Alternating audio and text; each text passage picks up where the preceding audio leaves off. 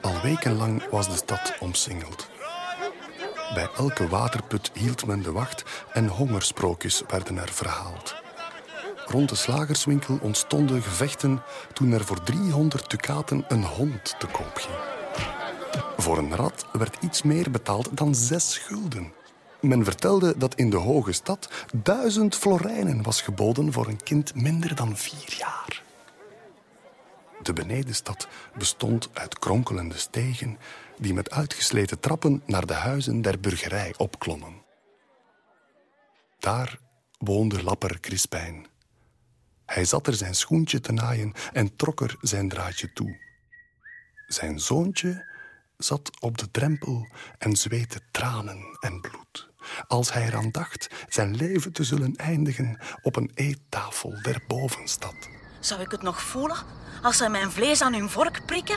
En wat als ik daarna in stukken word gehakt en door een keel geslokt word? De ganse nacht lag het kind wakker, erover nadenkend hoe het zou kunnen ontsnappen aan het droeve lot als knapenrosbief te moeten eindigen. Er zit niets anders op dan in de duisternis naar de stadsmuur te sluipen en mij daar naar beneden te laten vallen. Dan verdrink ik in die diepe gracht. Dat was al een veel minder vreselijke dood dan het pruttelend sterven in de braadpan. Misschien kan ik mij al zwemmend redden. De volgende morgen hoorde hij dat het zoontje van de rioolkuiser was aangekocht door de bewaarder van het stadszegel. Het was een knaap die zo scheel zag dat men erbij braken moest. Men had 5000 florijnen en een vleugelpiano voor hem betaald. Nu wordt het hoog tijd dat ik vertrek. En zo gauw de duisternis was ingevallen, sloop hij uit het ouderlijke huis weg.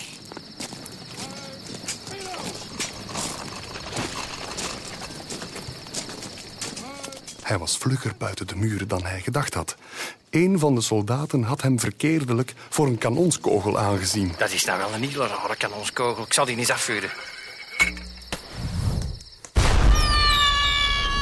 Hij zou midden de belegeraars zijn terechtgekomen, had de kanonier wat beter kunnen richten. Nu kwam hij echter boven op een tent neervallen. Het was een zeer mooie tent, van hemelsblauw laken en met gouddraad afgeboord. De jongen kwam binnenin op een dierenveld terecht. Hij zou nog erger zijn geschrokken, had hij geweten dat dit het verblijf was van de sultan zijn bijwijven. Ik ben waarschijnlijk in een kooi gevallen. En door de scheur in het zeil vliegen nu alle vogelen weg. dacht de jongen. Maar het was het lachen der drie Oosterse bijwijven die te midden van zijden kussens lagen uitgestrekt. Hallo. Hallo. Salam alaikum. De drie Oosterse schoonheden vonden hem ongewoon van huid en van kleren. Zo'n wambuis zoals jij draagt, dat heb ik nu nog nooit gezien. Ik ook niet. Ik ook niet. Een wambuis zoals hij droeg, hadden ze nog nooit gezien. Mag ik nu een keer uw broek bezien? Die gaat met knoopjes dicht of wat? Met knoopjes of wat? Met knoopjes of wat? Vooral wilden ze de broek bezien die met knoopjes dichtging. Er vlogen steeds meer lachende vogels uit hun keel weg. Zij lieten zijn blonde haarlokken door hun vingers spelen. En Oh, we hebben hier nog nooit wat anders dan zwarte kroezelkoppen gezien. Ja, dat is waar. Ja, dat is waar. de jongste der drie, die ook de stoutmoedigste was, wou weten... Zit jij op andere plaatsen ook zo blond? Of wat? Of wat? Of wat? En zij verborgen hem niet hoe bij hen het diep gebronsde nest verscholen zat tussen het zwartste warrelhout. Voilà, voilà. Voilà. Toch kon hij niet elk van hen een vogel schenken om die in hun lege nestje te laten wonen, Vogels sterven staande. bedacht de jongen. In het begin was hij zelfs bang zich vuil te maken. Zij waren zo zwart en ze raakten hem overal aan. Een ganse week verbleef hij in hun tent.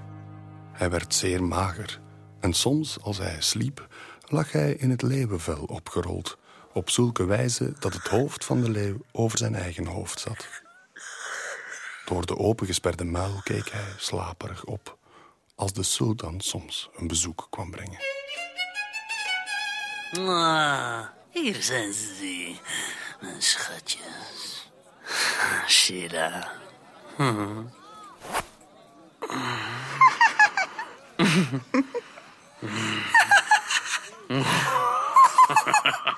De voorkeur van de sultan ging naar Sheila, die de jongste was der drie.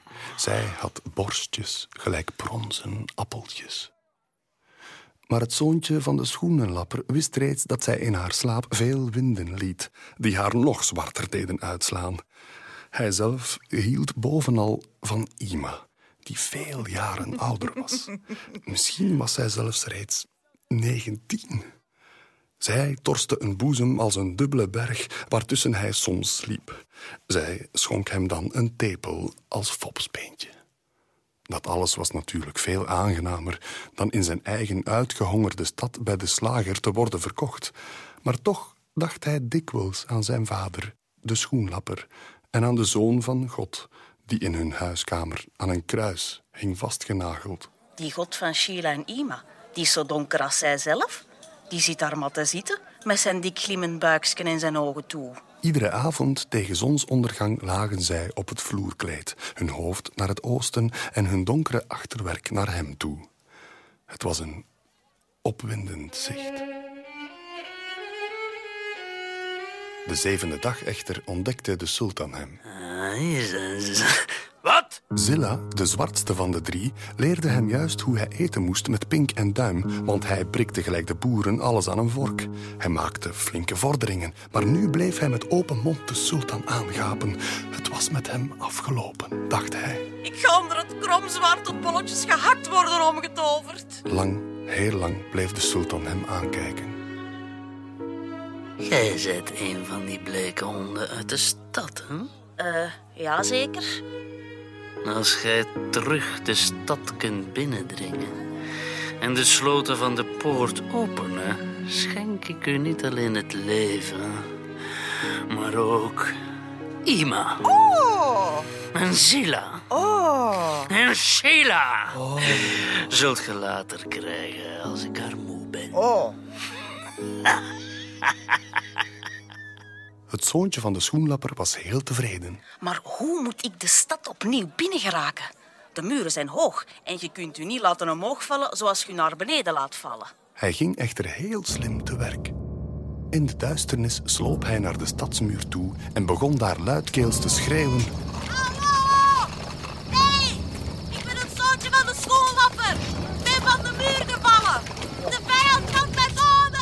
Vlug liet men een koordladder afrollen en daarlangs klauterde hij op.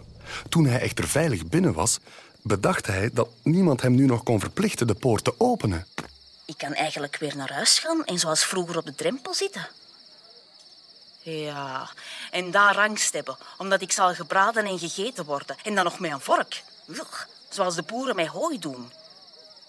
En wat als de belegeraars toch binnendringen? En de sultan mij dan zegt dat ik mijn belofte niet hou. Zonder zich nog verder te bedenken, opende het zoontje de poort. Niemand merkte de belegeraars in het begin op, want zij hadden net dezelfde kleur als de nacht.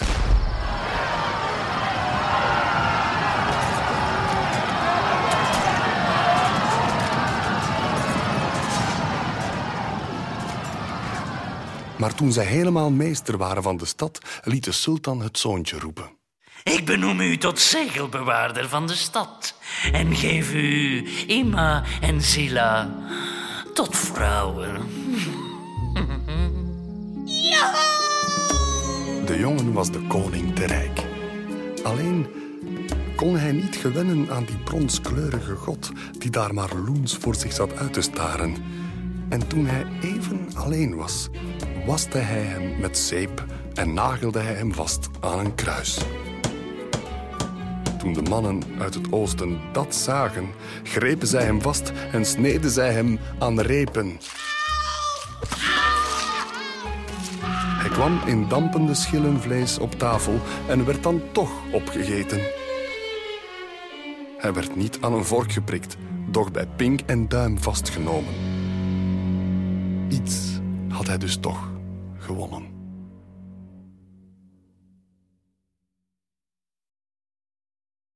U luisterde naar een bewerking van Blauwbaardje in Wonderland en andere grimmige sprookjes voor verdorven kinderen van Louis Polboom.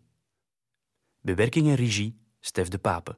Met de stemmen van Koen de Graven, Tanja van der Zande, Tom van Dijk, Ann Miller, Pascal Platel en Tinne van de Wijngaard. De muziek was van Koen Brandt. Productie Het Geluidshuis.